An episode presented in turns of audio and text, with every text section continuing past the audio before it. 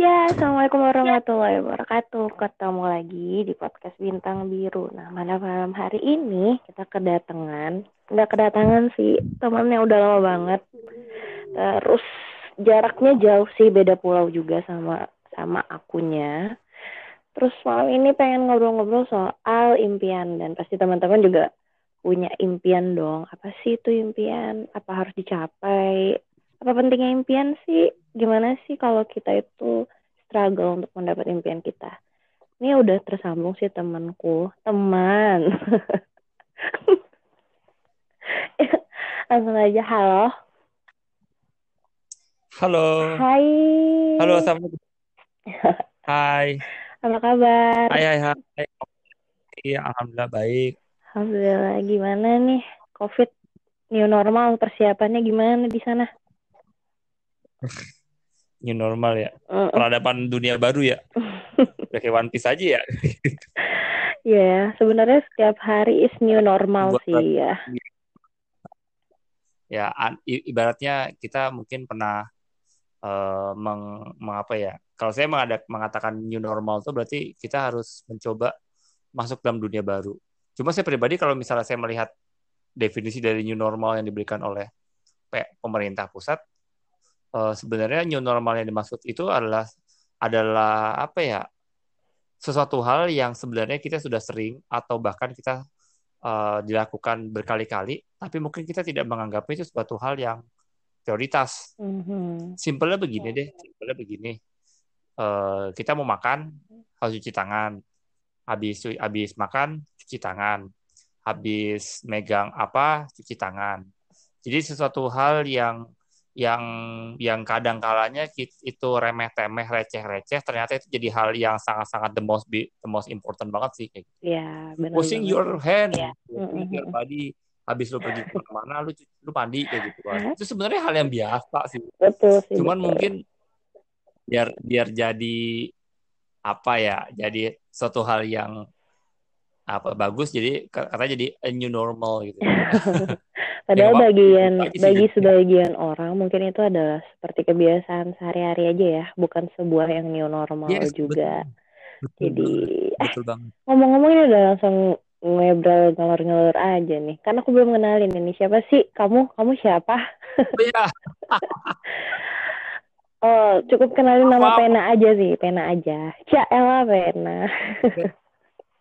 Eh, nama pena ya jadi Mhm. nama pena pena gue gue, itu Matahari lu mau Utara. pakai gue, aku kamu apa gimana nih senyamannya kamu aja sih?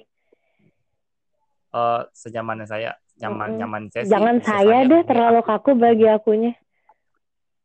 oke baik Eh, aku deh Oke, Ah, siap. tapi nggak pakai deh aku Eh, Ah, nah oke. gitu jadinya Jadi siapa kamu? Nah, tapi kalau bisa tengah nanti ada kata-kata gue ya mohon maaf ya Siapa kamu? oh iya saya Matahari Utara Mm-mm.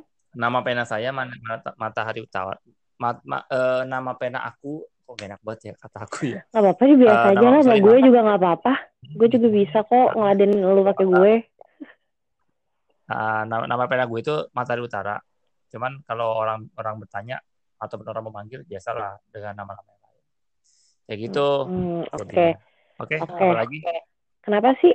Pasti kan ada sebuah filosofi nih. Kenapa nama pena lo Matahari Utara? oh iya sebenarnya ini sih sebenarnya dulu eh gue dulu pernah hidup di salah satu Di pesantren utara gitu, di kutub utara. oh enggak bukan bukan Abis itu kan di mana-mana ya yang orang-orang tahu matahari itu terbit di timur, tenggelam di barat. Loh, emang ada matahari Ya, utara. Kalau bintang utara sih ada. Coba filosofinya apaan? ya gimana ya gue juga nggak tahu sih ya enggak lah Lo gimana sih? Enggak, jadi jadi ceritanya, ceritanya panjang sih, cuman gua gua, sing, gua singkatin aja sih. Hmm. Jadi hemat kata begini, gue pernah ting pernah sekolah di salah satu pesantren di Banten, sekolah terbaik kayak gituan. Jadi kita kita tuh di angkatan kita itu angkatan SMA itu kita kayak dikasih sebuah semacam kayak kita gue nyebutnya nama pena lah, Mm-mm. nama pena kayak gitu. Dulu gue ngambilnya nama penanya adalah Jiref kayak gitu. Apa? Jerapah gitu. Jiref, jiref. Jiref, jiref. Jerapah Ya, ini gue identik sama orang-orang tinggi sih biasanya. nice betul banget kayak ya biasa lah karena mungkin nyokap ataupun emak ataupun umi mungkin dulu ngidamnya bambu kali ya bambu runcing aja jadi ya, Ya tolong, anak tinggi semua tolong yang makan bambu panda bukan jerapah. jadi ya ya Iya. barangkali karena normal jadi ya jerapah makan Oke, siap. Bawa covid jerapah makan bambu. Oke, lanjut. gue bantu. Jadi akhirnya gue pakai pakai penanya giraffe gitu. Mhm. Cuma gue pikir-pikir kok masa gue namanya binatang ya kagak ada yang lain gitu. Akhirnya gue ganti apa ya yang identik eh, dengan apa ya dengan satu hal yang mungkin beda tapi memiliki makna yang besar. Akhirnya gue milih matahari utara. Sebenarnya simpelnya begini sih, utara kan selalu ini ya. Kalau lo lo coba lihat di atlas ya, Hmm. atlas, peta lah ya, oke lah peta ataupun lo pakai kompas kayak gituan. Utara kan selalu menghadap ke depan ya, ke depan atau lo ke atas kayak gituan. Jadi gue pengen itu Hmm, adalah setiap apa oke. yang gue lakukan selalu berprioritas ataupun selalu mengingat apa yang selalu mengingat selalu Allah Subhanahu Wa Taala. Jadi kayak gitu. Jadi gue berusaha untuk untuk menjadikan Allah sebagai sebagai sebagai zat yang paling paling paling luar biasa di antara semua makhluk di antara di makhluk dunia ini di semesta inilah itu kata Hmm. utaranya jadi selalu menuju ke atas dan selalu eh, menghadap ke atas ya bahasanya kalau orang Jawa bilang lah eling eling lah eling eling sing sing sing duwe nyowo gitu Hmm, sing sing di nyowo artinya? ya maksudnya kita selalu ingat kepada zat yang selalu memberikan nyawa kepada kita. Itu. Nah, matahari, matahari itu kan matahari itu gue menganggap matahari itu adalah sebuah sebuah bintang besar, bukan terbesar ya, bintang besar yang mampu untuk memberikan cahaya ke semesta, terutama pada bumi. Jadi kayak gitu. Gue pengen jadi, gue bukan menjadi pencerah sih, lebih tepatnya gue ingin jadi matahari yang memberikan sinar, yang memberikan sebuah harap kepada semua orang yang bisa dengan adanya gue itu menjadi sesuatu hal baik untuk lingkungannya, sesuatu hal yang luar biasa bagi dirinya sendiri. Gitu. Gue pengen sih gitu sih. Kadang kan kita Amin. Insya Allah. Kadang kan kita makhluk hidup, kita butuh cahaya, kita butuh matahari. Bulan aja butuh butuh pantulan cahaya dari matahari untuk bisa menyinari bumi. Kayak gitu. Coba bayangkan satu hari kita nggak ada matahari deh. Gimana rasanya? Ih, jangan deh. Pas gerhana matahari aja orang-orang udah kagak boleh keluar sebenarnya kan. Makanya kan begitu. Oke, oke, oke. Back to the topic. Kan udah pada Oke. kenal nih siapa Matahari Utara dan kenapa lo namanya Matahari Utara. Soal gue nggak perlu Hmm. cerita ya tentang bintang biru apa, soalnya mereka-mereka udah tahu bintang biru artinya apa. Dan lo Iya. juga pastinya tahu kan temen gue masa lo nggak tahu sih, jahat banget. Terus ya udah. Emang? Nah, oke kita back to the topic nih. Kan tadi kita yang bahas impian. Lo punya impian gak sih? Nggak punya. Hah? Nggak punya. Bohong banget. Iya, gue nggak punya impian. Bohong. Semua orang Yes. pasti punya impian. Masa lo nggak punya impian? Wah, Gue Bahaya nih. Gue nggak, gue nggak bilang eh dan nggak punya dalam arti mutlak ya. Cuman yang mau gue Oke. maksudnya adalah eh gue nggak punya impian, tapi gue punya tujuan. oke. Gue punya Emang impian sama tujuan itu beda? Ya kalau impian kan suatu hal yang ini ya, maksudnya cuman sekedar angan kayak gitu. Tapi kalau tujuan itu nggak sebatas cuman angan, tapi suatu hal yang ketika lo nyampe sana lo akan akan mendapat akan menjadi seseorang yang eh, berbeda kayak gituan. Hmm, Itu berbedanya kayak gimana? Soalnya begini, kan yang mungkin yang Eh, teman-teman gue tahu ataupun orang-orang tahu kan ya impian juga pengen merupakan tujuan mereka. ya kalau kalau gue sih mikirnya tujuan sih itu penting sih goalsnya itu apa sih? Kayak gitu kan. Jadi misalnya gue pengen ke Jakarta nih tujuan gue ke Jakarta ya jadi ya gue harus ketika ke Jakarta gue dapetnya apa nih? Kira-kira apa sih yang bisa gue dapetin dari sebuah Jakarta? Jadi gitu. Jadi ada sebuah value yang ketika gue nyampe sana itu bisa dapat ada value add yang bisa gue ambil. Jadi kayak gitu. Jadi nggak cuma sebatas Oke. gue ngejar ngejar sebuah impian tapi ternyata gue nggak dapet apa-apa kayak gitu oke pengalaman bener dapat tapi kalau cuma sekedar pengalaman saja kayaknya kita yang diberikan oleh Allah Subhanahu Wa Taala ini banyak hal uh, harusnya bisa dapat lebih dong. Kita diberikan akal, kita diberikan kaki, kita diberikan tangan, harusnya kita gunakan untuk lebih baik. Karena gue punya prinsip hmm. dalam sebuah pilihan itu pasti punya uh, sebuah apa ya, sebuah hal yang kita, uh, dalam sebuah pilihan nih, lo milih A, oh gue pengen jadi pemain basket, apa sih bisa jadi kenapa sih lo jadi pilih jadi pemain bisa jadi uh, kenapa sih lo memilih memilih menjadi pemain basket misal begitu. Gue punya tujuan gue pengen pengen jadi pemain basket misal begitu. Atau orang bilang oke okay lah gue mau impian lah. Gue pengen jadi pemain basket. Kenapa sih lo jadi pemain basket? Ya karena gue pengen jadi pemain basket. Nah itu berarti orang yang nggak nggak tahu tuh arah tujuannya mau ngapain. Tapi kalau misalnya gue pengen main basket kenapa emang gue pengen sehat? Satu jelas yang kedua gue pengen uh, ketika gue jadi pemain basket ketika gue jadi pemain basket gue bisa umrohin ibu gue orang tua gue.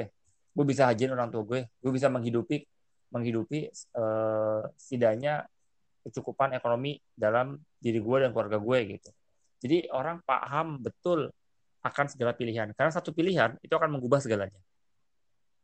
Itu yang gue yang gue pahami hmm. pilihan itu akan mengubah segalanya jadi gitu oke okay emang benar juga sih kata lo bilang kayak misalnya impian itu juga tujuan sebuah goals dalam hidup kita yang memang apa ya wajib dicapai mungkin suatu kewajiban ataupun hak yang nanti kita akan dapat kalau misalnya kita sudah melakukan kewajiban yang kita pengen ya enggak sih? Yep, betul. Soalnya kan soalnya kan tujuan itu kan berarti apa ya hal yang ada di depan mata yang fokus di depan mata walaupun kita nggak tahu jalannya kayak gimana ya betul, betul banget. Dan menurut menurut lo nih apa impian atau kata lo tujuan itu bisa diubah atau direvisi nggak sih kan kadang ada orang ya hmm. kalau misalnya ah tujuan gue ini nih terus ternyata di tengah jalan agak melenceng sedikit gitu hmm. nah apakah melencengnya itu melencengnya itu bisa atau enggak pengaruh banget nggak sih untuk apa ya mencapai tujuan deh gitu hmm. apakah kita harus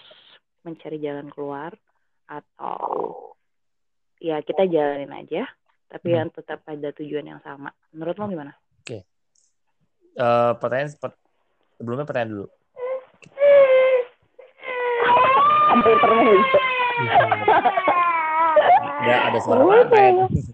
Hmm, ada yang terus. Ada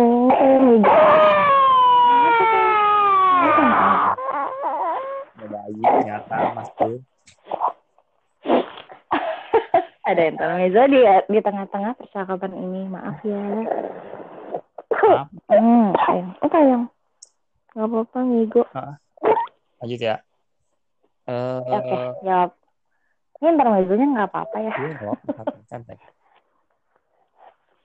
ya namanya podcast kan kita nggak tahu kalau misalnya ada intermezzo. Uh, gini sih uh, balik ya back to topic ya mm -hmm. percaya sama Tuhan nggak sih lo Ya percaya lah, masa nggak percaya gue. Pertanyaannya hmm. begini, percaya nggak sih setiap apa yang kita lakukan di dunia ini itu semua udah skenario Tuhan? Gimana? Percaya nggak sih setiap ada yang uh, setiap yang ada dalam dunia ini, yang di semesta ini, itu Tuhan sudah perhitungan semuanya. Allah percaya. sudah memperhitungkan semuanya.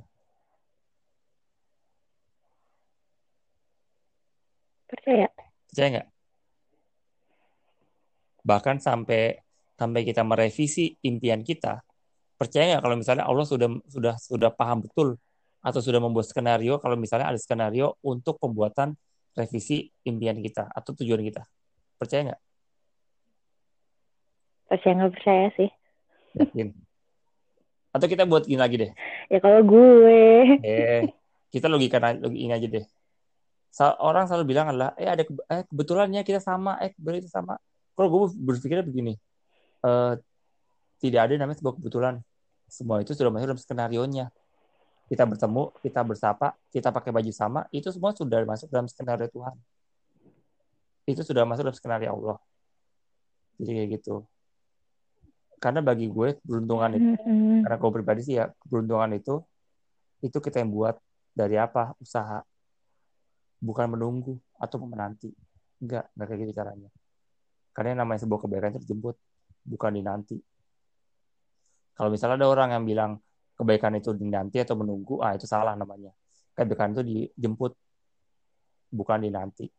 Kayak gitu.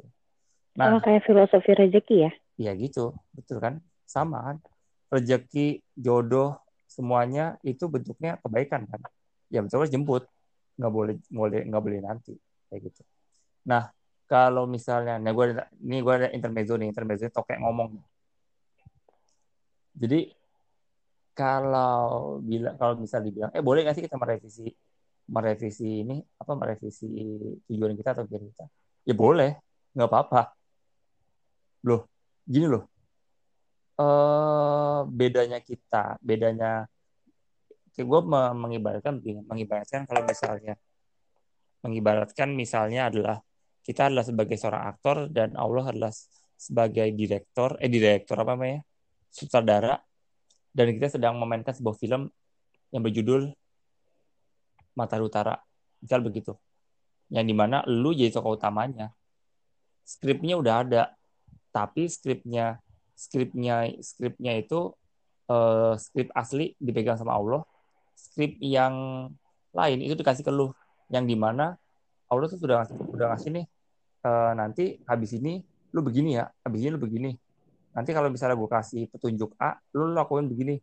Ketika lu ketika maksudnya Allah ya, ketika saya itu melakukan D, eh ketika saya memberikan petunjuk menoleh, berarti ntar kamu tindakannya begini. Ketika kamu nanti saya kasih tahu uh, kode A, nanti kamu sebegini. Jadi bentuknya begitulah. Yang di mana kadang kalanya kita butuh, oh kalau misalnya gue kasih, kalau misalnya sutradara gue bilang uh, B, berarti gue begini nih. Ah tapi kok skrip gue salah ya? Oh berarti perbaikannya begini nih. Kita perlu ada perbaikan-perbaikan hal tersebut. Untuk apa?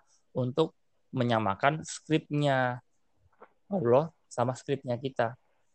Kita butuh yang namanya penyamaan proposal. Kita buat proposal dunia, tapi ternyata Allah sudah menyiapkan proposal dunia dan akhirat. Gimana coba? Tugas kita apa?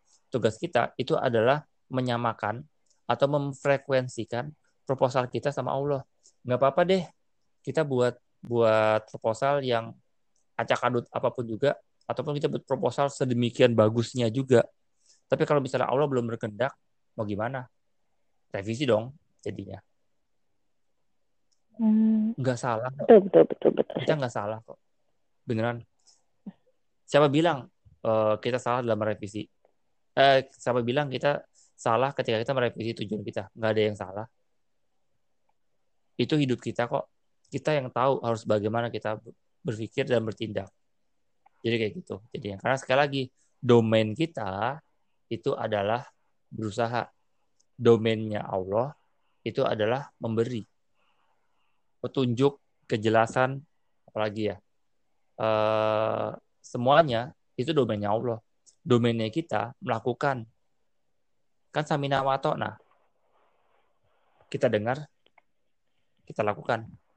Jadi itu jangan samina wa pikir-pikir nah repot yang ada. Oke. Okay. Gitu. Tapi kalau misalnya kalau misalnya kata lo nih, misalnya kan kita harus ada revisi.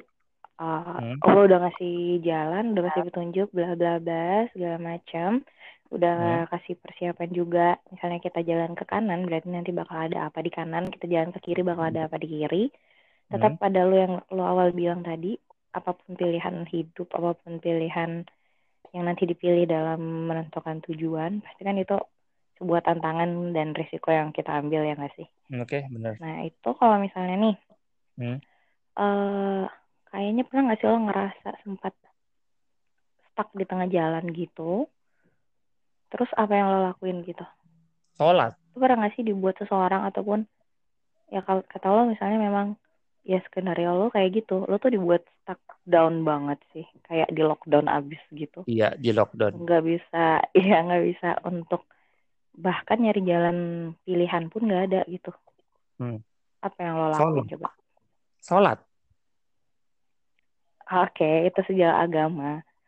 Pasti yeah, sholat dan sabar that's that's why enggak enggak yang lo lakuin gua, setelah gua itu gue gak ngomong sabar gue cuma ngomong ya udah sholat Istiqoroh. Iya. Lalu ah. yang lo lakuin apa? Uh, eh, gue punya prinsip gini. Bukan punya prinsip sih. tapi emang emang emang emang itu ada dalam Al-Quran Allah selalu memberikan cobaan kepada hambanya itu sesuai dengan apa sesuai dengan kemampuannya pertanyaan gue begini. Ketika lo di lockdown oleh sesuatu hal itu berarti bukannya Allah itu percaya kalau kita itu bisa menyelesaikan masalah itu? Ya kan? Yep. ya nggak? Bukannya kalau misalnya kita diberikan sebuah masalah itu berarti kita punya level yang berbeda dengan orang lain? Ya nggak? Mhm. Urusan itu itu di lockdown atau di kita dimatikan atau kita bentukannya apa ya distagnankan oleh manusia ataupun apa pun juga gue akan selalu percaya kalau itu adalah bagian cara Allah untuk bisa menaikkan level kita. Kembali lagi tugas kita itu melakukan. Tugas kita itu adalah trust percaya dan mempercayai sabar ya pasti jelas. Sabar pasti. Pertanyaan gue lu berapa lama lu bersabar? Sekali lagi kebaikan itu harus diperjuangkan bukan dinanti. Kalau gue punya punya sebuah sebuah habit kalau misalnya gue bingung nih bingung atau apa pun juga atau stuck lah ya kayak gituan sholat gue. Ambil wudhu sholat. Habis itu ketika habis sholat gue doa lah. Doa ya Allah gue punya masalah. Tolong lampangkanlah uh, punggungku untuk bisa mengemban segala amanah yang kau berikan kepadaku. Gue bilang adalah amanah atau ujian. Habis itu gue buka Quran. Tapi gue random. Tutup mata Bismillah ya Allah aku minta petunjuk darimu Bismillah aku buka uh, aku buka musafmu dan gue percaya yang namanya Al-Quran tuh Al-Furqan berbeda pemberi petunjuk itu udah jelas pasti Al-Quran itu lebih dari segala peraturan-peraturan yang ada yang dibuat oleh manusia. Kayak gitu. Kalau gue percaya begituan. Kalau gue percaya itu. Al-Quran itu adalah sebagai petunjuk. Pedomannya agama. Islam terutama. Lebih dari sekedar aturan ataupun peraturan yang dibuat oleh manusia. Jauh lebih. Bahkan mungkin peraturan-peraturan manusia itu ber apa ya berreferensi dari Al-Quran. Itu mungkin. Makanya ketika gue lagi galau stuck gue akan buka Quran.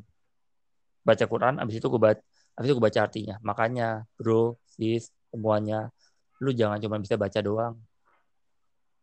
Lu jangan cuma bisa hafalin doang. Oke lu punya titel hafid lu punya titel hafizoh lu tilawah lu bagus tapi lu kagak paham isinya ngapain? Lu pahamin dong Weh, gitu. no rasis rasis ya. Eh gue gak rasis ya gue gak rasis. Gue gak rasis. Gue cuma bilang. Enggak teman-teman bilang. Kalau saya kita hafal atau kita belajar belajar lebih sekedar belajar. Karena paham itu kan yeah. biasanya diamalkan ya enggak sih? Yes betul. Abu, makanya kata Ustaz yang... begini kata Ustaz Guru Pesantren uh, kamu belajar Quran itu nggak cuma dibaca nggak cuma dilafalkan tapi lo lo lihat artinya lo lihat artinya coba lo terapin. Tenang hidup lo kayak gitu. Jadinya karena ya, ya. apa? Semua petunjuk ada di sana. Lo mau bahas tentang biologi ada di sana. Lo mau bahas tentang tatanan kehidupan ada semuanya. Gue malah berpikir begini tatanan kehidupan yang baru new normal tuh ada sebenarnya Quran. Mungkin atau mungkin gue nggak tahu sih ya walau alam sih. Tapi mungkin tapi gue nggak tahu sih ya gue selalu percaya kalau bicara Al-Quran itu adalah pedomannya agama Islam atau pedomannya umat di dunia ini. Atau bahkan kalau misalnya lu pengen cari tentang new normal mungkin di Al-Quran ada semuanya. Bagaimana cara menjaga kebersihan bagaimana Allah men untuk memberikan sebuah esensi dari sebuah kehidupan pasti mungkin ada. Makanya ketika gue stuck gue baca gue ketika gue stuck gue akan cari random kira-kira apa nih akan diberikan petunjuk dari Allah dari dari Al-Quran itu sendiri. Kayak gitu. Jadi eh maaf ya kalau misalnya gue agak-agak nah, asis agama. Enggak, gue, gue, gue, background lu pesantren. Iya, gue mungkin karena background gue pesantren dan mungkin karena kehidupan keluarga gue juga yang agamis ya. tapi ya uh, seharusnya seharusnya lu nggak perlu nggak perlu minta maaf ke kita pada. Malah sebenarnya kalau misalnya ada yang kayak gitu misalnya ada orang-orang yang misalnya menganggap kita ih lo salim banget sih. Ya daripada lo nih di sensor nggak berani gue nyebutnya. Enggak enggak enggak nggak berani ya sih nyebutnya. Kayak gue gitu. zaman kayak gini kan kadang orang ya asal motong-motong motong-motong kata doang tapi kan kadang jadinya nggak bener gitu. Kita sebenarnya ya ngomongnya pokoknya kembali lagi. Positif. Kembali lagi ke perspektif diri masing-masing. Yes dan betul. gimana caranya kita untuk nggak berhenti belajar sih ya. Yes betul jadi kalau misalnya gue bilang begini sih ada ada suatu hal yang nggak bisa lo lihat tapi lo bisa lihat ketika lo bisa menggeser sebuah sudut pandang cara eh, ketika lo bisa menggeser secara pandang sendiri. Gitu. Misalnya lo mau mau melihat sebuah gunung tapi lo ketutupan sama pohon. Kalau lo liatin itu terus lo nggak bakal bisa lihat gunung. Karena apa? Ketutupan Ya, pohon. kalau lo geser kelihatan dah tuh gunung gimana Nah, jadi bukan itu. bukan gunungnya yang digeser ya? Bukan nggak mungkin. Ah, lo belum bisa. Itu hanya nabi doang bisa nabi Musa nah iya. Itu- makanya kalau misalnya kita ada berarti kalau misalnya kesimpulannya adalah kalau misalnya kita nanti berjalan eh, di tengah jalan yang punya impian dan punya tujuan hidup terus sempat tersandung terjatuh tak bisa bangkit lagi alah. Cek lagu. Lirik lagu itu berarti serahkan kembali lagi kepada yang maha kuasa minta petunjuk dan nggak boleh berhenti ya nggak sih?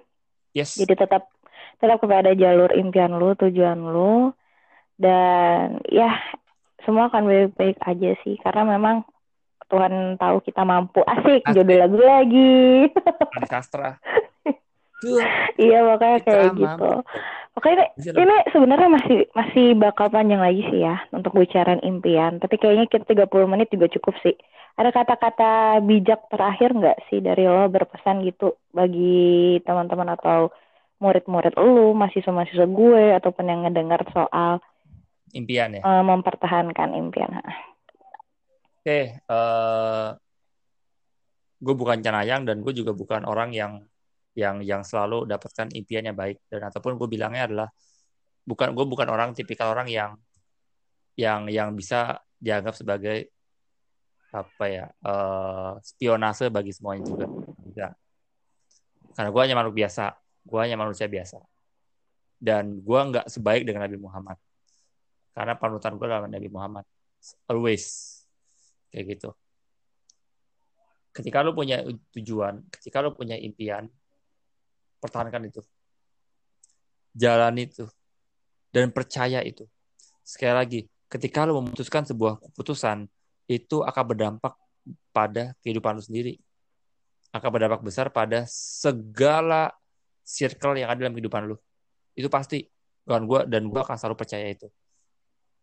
Makanya ketika lu memilih sebuah impian hal tersebut Bismillah jalanin urusan nanti lu mau jatuh kek lu mau bangkit lagi lu jatuh lagi lu mau bangkit lagi jatuh bangkit lagi itu jalanin.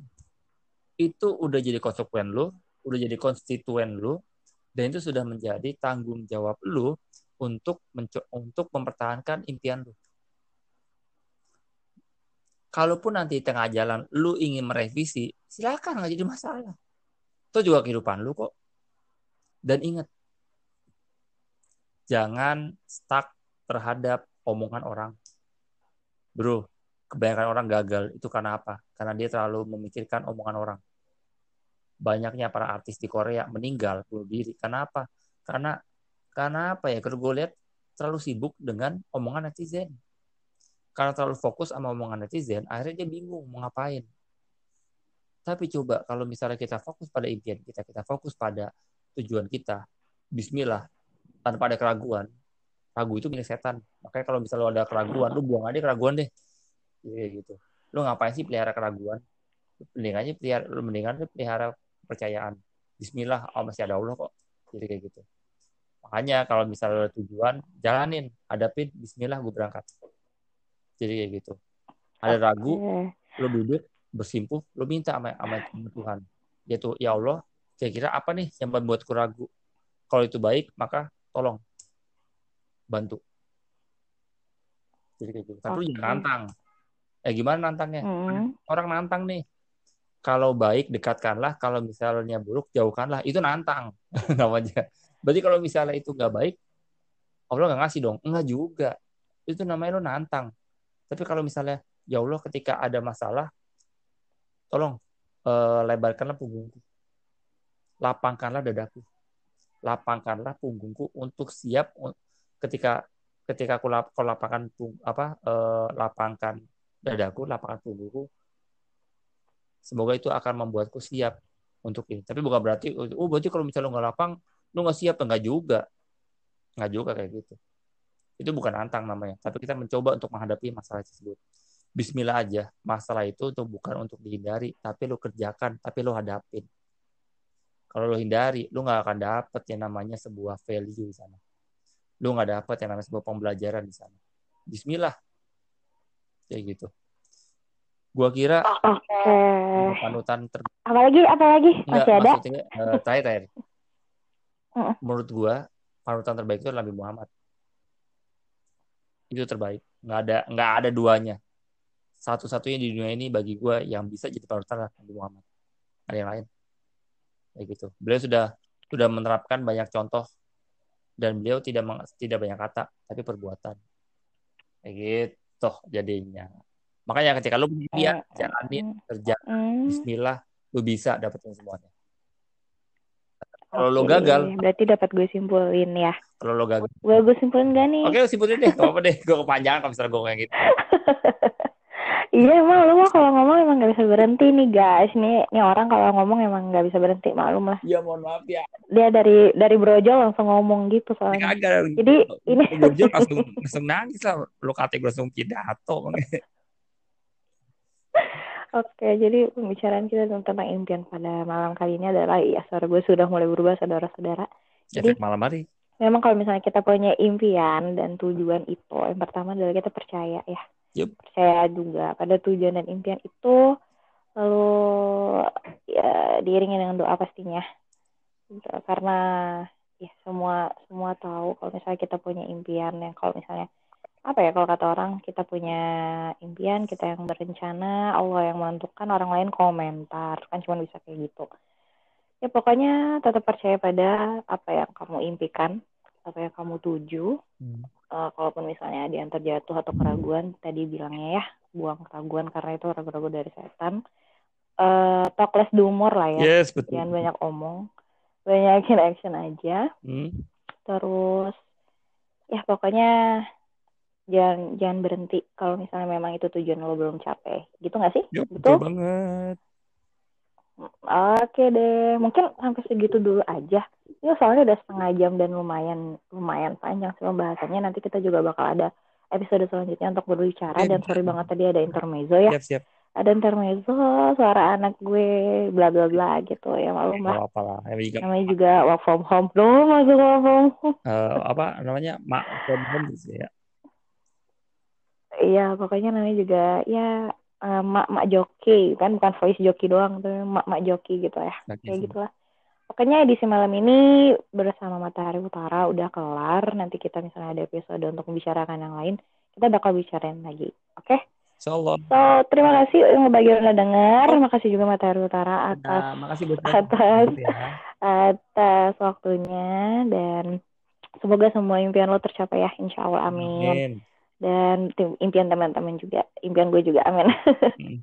dan satu dan satu lagi jaga kesehatan jaga diri ja, eh, stay healthy dan stay waras. Bye Bye. assalamualaikum